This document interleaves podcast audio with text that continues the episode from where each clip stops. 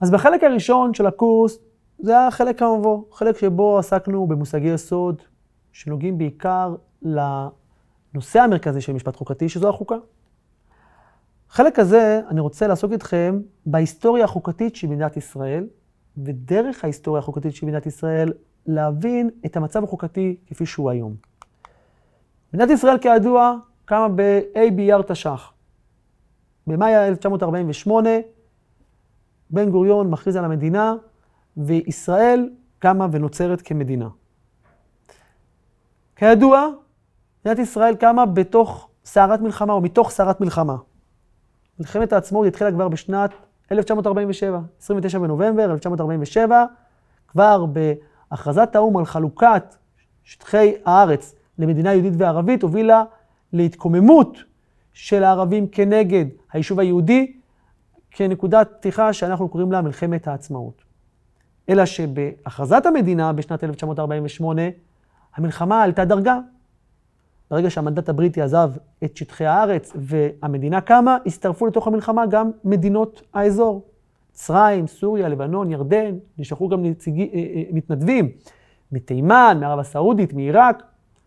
למה נמצא את כל הנקודות הללו? כי בדרך כלל, כמו שכבר אמרנו, חוקה מכוננת או מנוסחת בעת הקמת המדינה. אלא שאפשר להבין מדוע בשנת 1948 לא נוסחה חוקה. המדינה קמה מתוך סערת מלחמה, קשה מאוד, מלחמת הישרדות. ואתה בדרך כלל לא מנסח כללי משחק למשחק שאולי לא תשחק אותו. ולכן אפשר להבין למה לא כוננה חוקה בשנתה הראשונה של המדינה, למרות שהמדינה הצהירה במגילת העצמאות שעד הראשון באוקטובר 48 תהיה חוקה. 1949, המלחמה הסתיימה. מדינת ישראל מנצחת במלחמת העצמאות, ועכשיו ניתן על פניו לפנות ולהתייחס לכינון החוקה. אבל בשלב הזה ניסה איזשהו טוויסט מסוים. במקום הוויכוחים הרגילים והמתבקשים על מה יהיה כתוב בחוקה, הוויכוח הפך להיות האם בכלל ננסח את החוקה. כאשר מי שהתנגד לניסוח החוקה בעיקר היה בן גוריון והקואליציה שאיתו. למה הם התנגדו? כאמור כבר למדנו שחוקה זה מנגנון קבילה עצמית. בעיקר מי, את מי החוקה כובלת? את השלטון.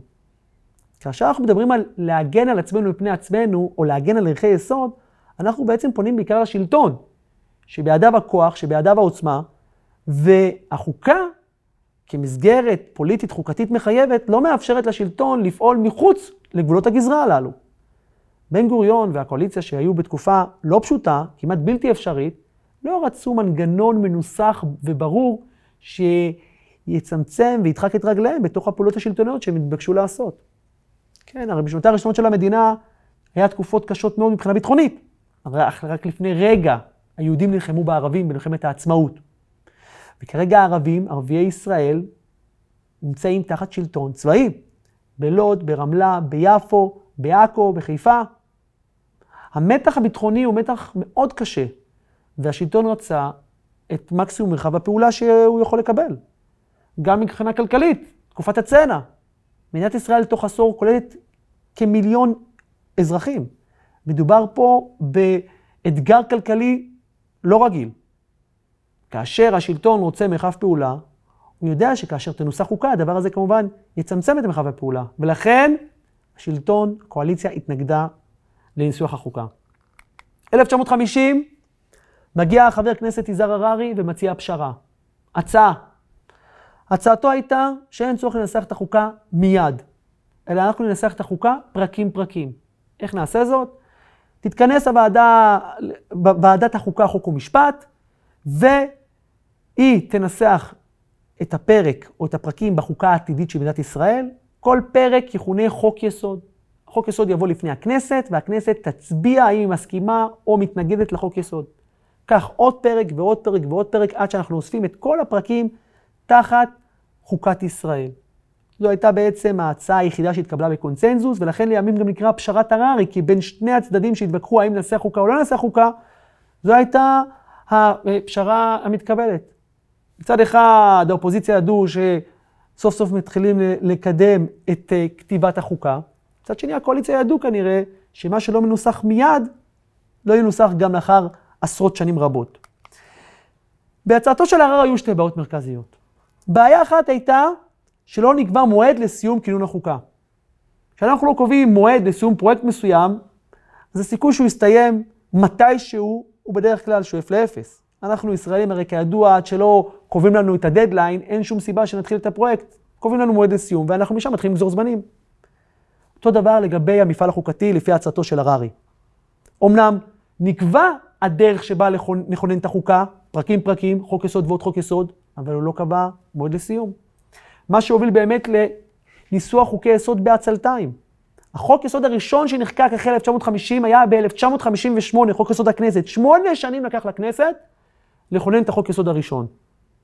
אז אפשר אולי לטעון שלפעמים לוקח קצת זמן עד שמתחילים להתקדם ולהניע מהלכים מסוימים, אבל גם מאותו רגע, חוקי יסוד לא נוסחו במהירות. כל שנתיים, ארבע שנים נוסח עוד חוק יסוד ועוד חוק יסוד בצורה די איטית, יש לומר.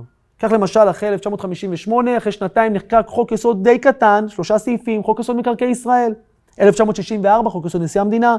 1968, חוק יסוד הממשלה. 20 שנה כבר יש ממשלה. ורק ב-1968, סוף סוף, הרשות המבצעת מקבלת חוק יסוד משלה. וכך חוק יסוד אה, משק המדינה, וחוק יסוד הצבא, וחוק יסוד ירושלים בירת ישראל, וחוק יסוד השפיטה בשנת 1984, ובשנת 1988 חוק יסוד מבקר המדינה. שימו לב, כל חוקי היסוד עד שנות ה-90 שנחקקו, אלה חוקי יסוד מהצד המוסדי. חוקי יסוד שנוגעים למבנה המוסדי של המדינה, רשויות השלטון, כמובן, הצבא, הכלכלה וכיוצא באלו. וזו הייתה הבעיה הראשונה בהצעתו של הררי, ועוד הבעיה הקטנה, יש לומר. הבעיה השנייה והגדולה יותר, זה שלא נקבע בהצעתו של הררי מה מעמדם של חוקי היסוד. לא נקבע אם חוקי היסוד בעת לידתם, בעת יצירתם, הם כבר חוקה לכל דבר ועניין, והם עומדים בראש הפירמידה הנורמטיבית. כלומר, כל חוק רגיל שנחקק וסותר אותם הוא בטל, או שלא. חוק יסוד, כשהוא נולד, כשהוא נוצר, הוא חוק רגיל. ואנחנו שמים אותו במעין מחסן, שרק כשנסיים את המפעל החוקתי ונכונן את כל חוקי היסוד, אז נאסוף את כולם תחת כותרת אחת ונעמד אותם בראש הפירמידה הנורמטיבית. המשמעות היא שחוק שנחקק לאחר חוק יסוד, והוא סותר אותו, הוא לא בטל. לפי הכלל הרגיל שחוק מאוחר גובר על חוק מוקדם.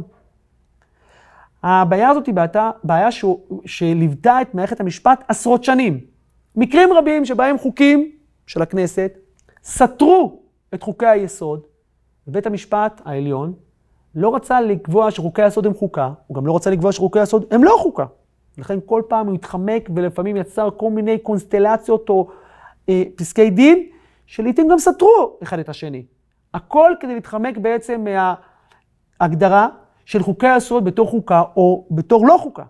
וזו שאלה שליוותה את המערכת המשפטית והפוליטית עשרות שנים. אבל הבעיה הזאת בעצם נפתרה במהלך מאוד מפורסם שנקרא המהפכה החוקתית. אנחנו נדבר על המהפכה החוקתית עוד רגע, אבל לפני שאני אדבר על המהפכה החוקתית שנעשתה בשנות ה-90, כדאי לנו לשאול רגע שאלה מאוד מעניינת. מדוע מגילת העצמאות לא היא חוקה? למה אנחנו נזקקים לחוקי יסוד ובעצם לכל הבעיות שנלוות במהלך הצעתו של הררי, ולא פשוט אומרים בצורה מאוד פשוטה, מגילת העצמאות היא החוקה. אז קודם כל צריך לבוא ולהודות על האמת שמגילת העצמאות לא מנוסחת בצורה של חוקה. אם תפתחו את אה, מגילת העצמאות, תראו ש... אמנם מופיעים בה ערכי יסוד, אמנם מוזכרים בה מוסדות שלטון, אבל היא לא מנוסחת בצורה מבנית, כמו שחוקה צריכה להיראות. נקודה נוספת שצריך להודות זה שמגילת העצמאות בתוכה, באופן תוכני, קובעת שתכונן חוקה עד הראשון באוקטובר. אני קורא אתכם ביחד. אומרת המגילה, אנו קובעים שהחל מרגע סיום המנדט, הלילה, אור ליום שבת, ו' אייר תש"ח, 15 במאי 1948, ועד להקמת השלטונות הנבחרים והסדירים של המדינה, בהתאם לחוקה שתיקבע על ידי האספה המכוננת הנבחרת, לא יאוחר מה-1 באוקטובר 1948. כלומר, מגילת העצמאות בעצמה קובעת שהאספה המכוננת תבוא ותיבחר על ידי חוקה, כן, שתכונן ב-1 באוקטובר 1948. כלומר, מגילת העצמאות, ברגע שהיא קובעת שהיא צריכה להיות חוקה או ת, ת, תנוסח חוקה בהמשך, זה בעצם העט שהיא בעצמה אינה חוקה. היו כמה וכמה אזרחים במדינת ישראל החדשה בשנת 48' שניסו לבוא ולטעון שבכל זאת מגילת העצמאות היא חוקה, ופנו לבית המשפט העליון במספר עתירות, בניסיון לטעון שאכן מגילת העצמאות היא חוקה ויש להתייחס אליה ככזאת. אבל בג"ץ מאוד מפורסם, בג"ץ זיו נגד גוברניק, בשנת 48', בא ודחה את הטענה הזאת, ואני קורא אתכם את מה שקובע בית המשפט. אין אנו יכולים לקבל את טענתו הנלבבת של בא כוח המבקש. ההכרזה, כלומר מגילת העצמאות, באה רק לשם קביעת העובדה של יסוד המדינה והקמתה לצורך הכרזתה על ידי החוק הבינלאומי. היא מבטאת את חזון העם ואת האני מאמין שלו, אבל אין בה משום חוק קונסטיטוציוני הפוסק הלכה למעשה בדבר קיום פקודות וחוקים שונים או ביטולם. כלומר, אומר בית המשפט בשפה פשוטה, מגילת העצמאות היא לא חוקה. היא אולי האני מאמין של האבות המייסדים, אולי היא איזשהו מניפסט שאנחנו דרכו יכולים ללמוד מה היה התכלית והרצון של האבות המייסדים בהקמת המדינה. ואפשר אולי להשתמש בה כמקור פרשני מעניין, אבל היא לא מסגרת משפטית מחייבת כמו שחוקה נועדה להיות. פה אנחנו רואים שלא רק מבחינה מבנית מגילת העצמאות היא לא חוקה, וגם מבחינת התוכן שלה עצמה, אלא אפילו בית המשפט העליון לצורך העניין בא ודוחה את האפשרות כבר בשנותיה הראשונות של המדינה לקבוע שאכן מגילת העצמאות היא חוקה. שאלה נוספת שצריך לשאול את עצמנו, זה מה היה במדינת ישראל לאורך השנים בכל מה שנוגע לזכויות הפרט. הרי לא נוסחו בצורה ברורה חוקי היסוד שאנחנו מכירים משנות 1992, כבוד אדם וחירותו וחוק יסוד חופש העיסוק. האם באותם שנים לא היו זכויות הפרט? האם באותם שנים פגעו באופן שרירותי בזכויות אדם? התשובה היא לא. אנחנו מכירים כמה וכמה פסקי דין שבמסגרתם בית המשפט העליון הגן על זכויות הפרט, למרות שלא הייתה חוקה כתובה. בהיעדרה של חוקה כתובה, בית המשפט העליון יצר מנגנונים חוקתיים שעל ידם ובאמצעותם הוא הגן על זכויות אדם במדינה. פסק דין מאוד מפורסם למשל, בג"ץ 1 על 49 בג'רנו נגד שר המשטרה. על מה מדובר במקרה הזה? סיפור שבו שר המשטרה החליט למנוע ממאכערים להיכנס לתוך משרד התחבורה. מאכערים זה בעצם אנשים שמתווכים בין אנשים לבין הבירוקרטיה במשרדי הממשלה. פעולות שלנו יכולות לקחת שעות ואפילו ימים, המאכערים, בגלל שהם מסתובבים הרבה בתוך משרדי הממשלה, יכולים לקצר תהליכים ולקדם עניינים בצורה יותר יעילה.